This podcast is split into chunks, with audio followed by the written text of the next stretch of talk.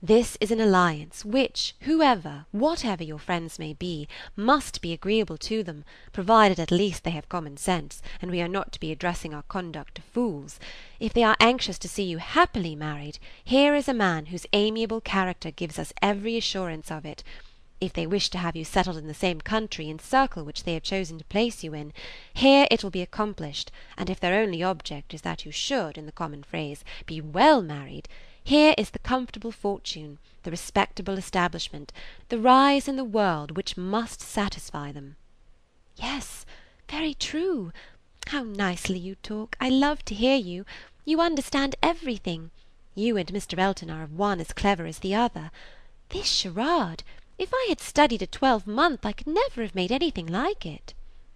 "I thought he meant to try his skill by his manner of declining it yesterday." I do think it is, without exception, the best charade I ever read." "I never read one more to the purpose, certainly." "It is as long again as almost all we have had before." "I do not consider its length as particularly in its favour. Such things in general cannot be too short." Harriet was too intent on the lines to hear. The most satisfactory comparisons were rising in her mind. "It is one thing," said she presently, her cheeks in a glow to have very good sense in a common way, like everybody else, and if there is anything to say, to sit down and write a letter, and say just what you must in a short way, and another to write verses and charades like this." Emma could not have desired a more spirited rejection of Mr. Martin's prose. "Such sweet lines!" continued Harriet. "These two last. But how shall I ever be able to return the paper, or say I have found it out? Oh, Miss Woodhouse, what can we do about that?" "Leave it to me. You do nothing. He will be here this evening, I dare say, and then I will give it him back, and some nonsense or other will pass between us, and you shall not be committed. Your soft eyes shall choose their own time for beaming. Trust to me." "Oh, Miss Woodhouse, what a pity that I must not write this beautiful charade into my book!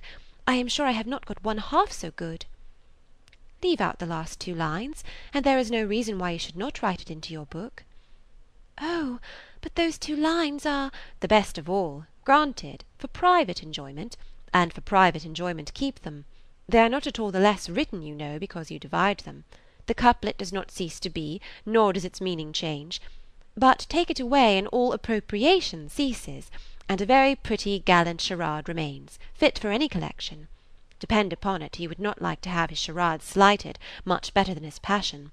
A poet in love must be encouraged in both capacities or neither.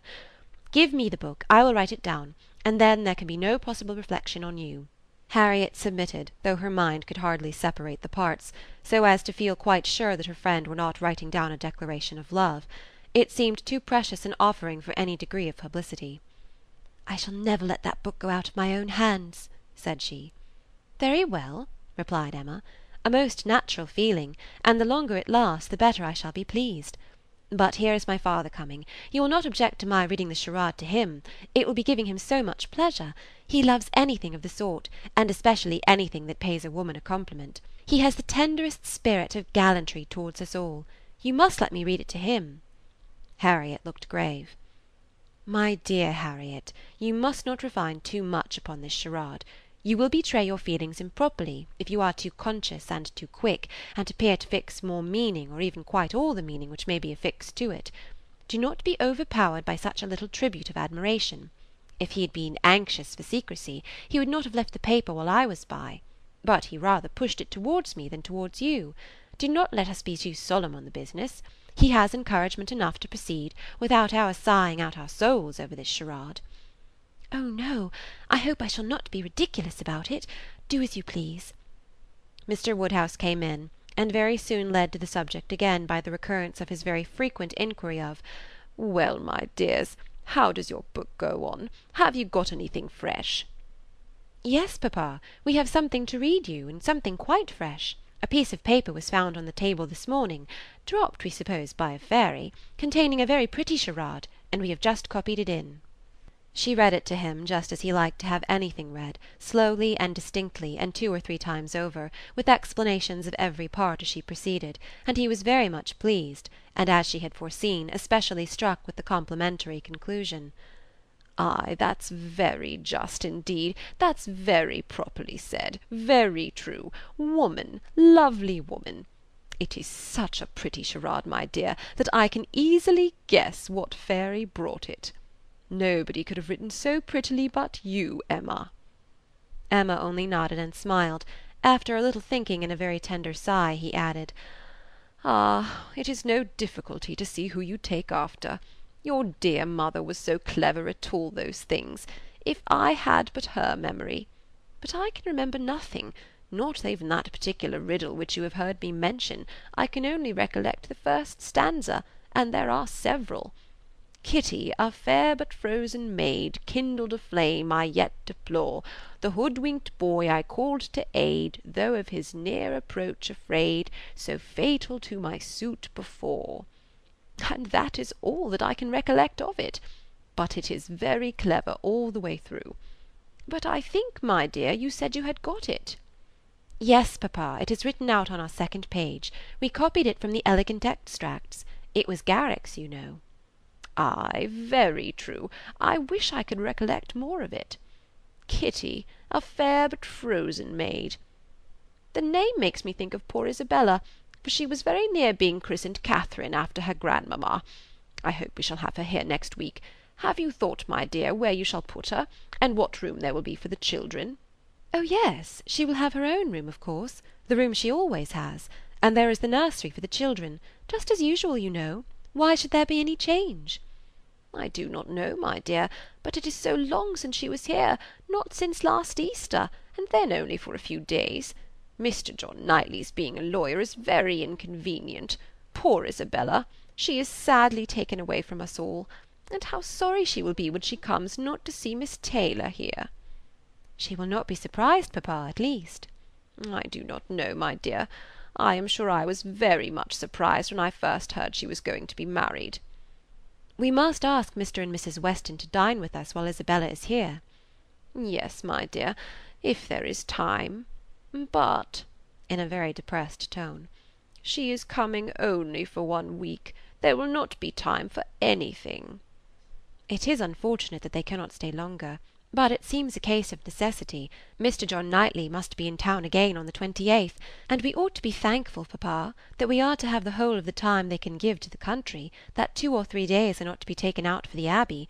Mr. Knightley promises to give up his claim this Christmas though you know it is longer since they were with him than with us." "It would be very hard indeed, my dear, if poor Isabella were to be anywhere but at Hartfield."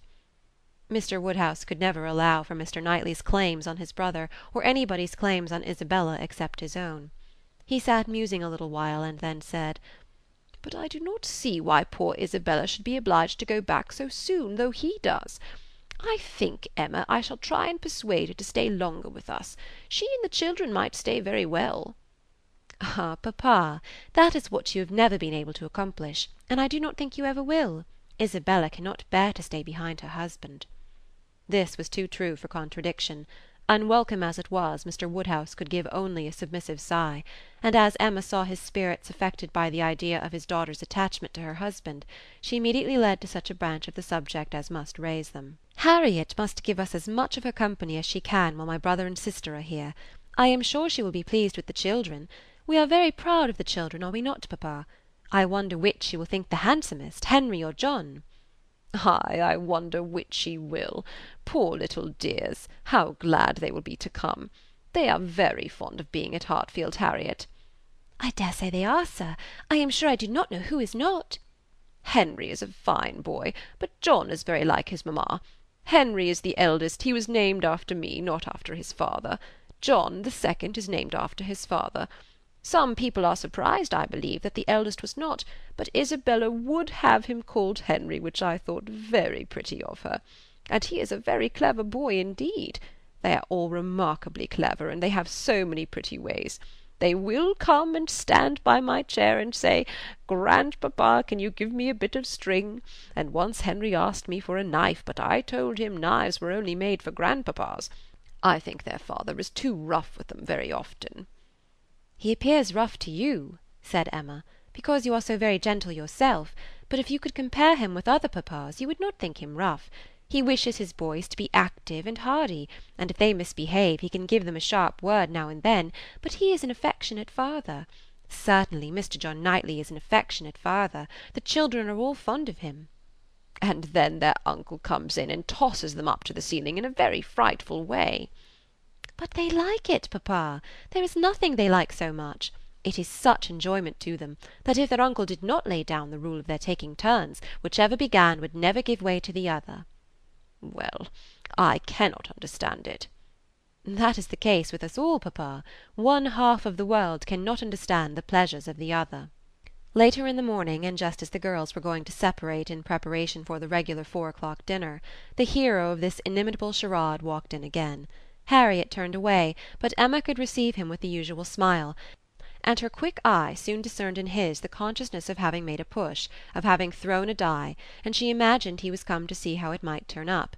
His ostensible reason, however, was to ask whether Mr. Woodhouse's party could be made up in the evening without him, or whether he should be in the smallest degree necessary at Hartfield.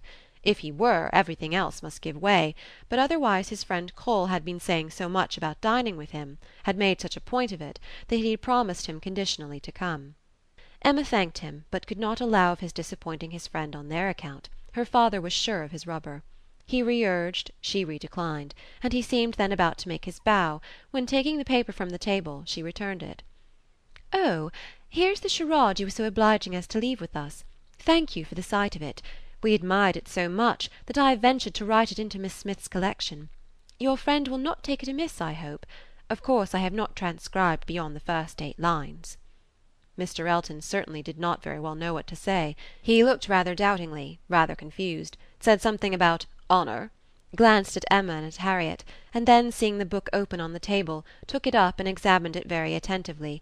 With the view of passing off an awkward moment Emma smilingly said: "You must make my apologies to your friend, but so good a charade must not be confined to one or two. He may be sure of every woman's approbation while he writes with such gallantry."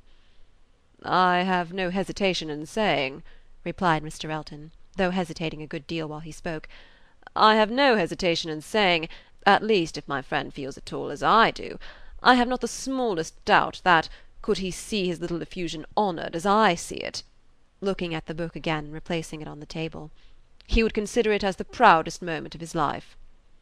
After this speech he was gone as soon as possible. Emma could not think it too soon, for with all his good and agreeable qualities. There was a sort of parade in his speeches which was very apt to incline her to laugh. She ran away to indulge the inclination, leaving the tender and the sublime of pleasure to Harriet's share.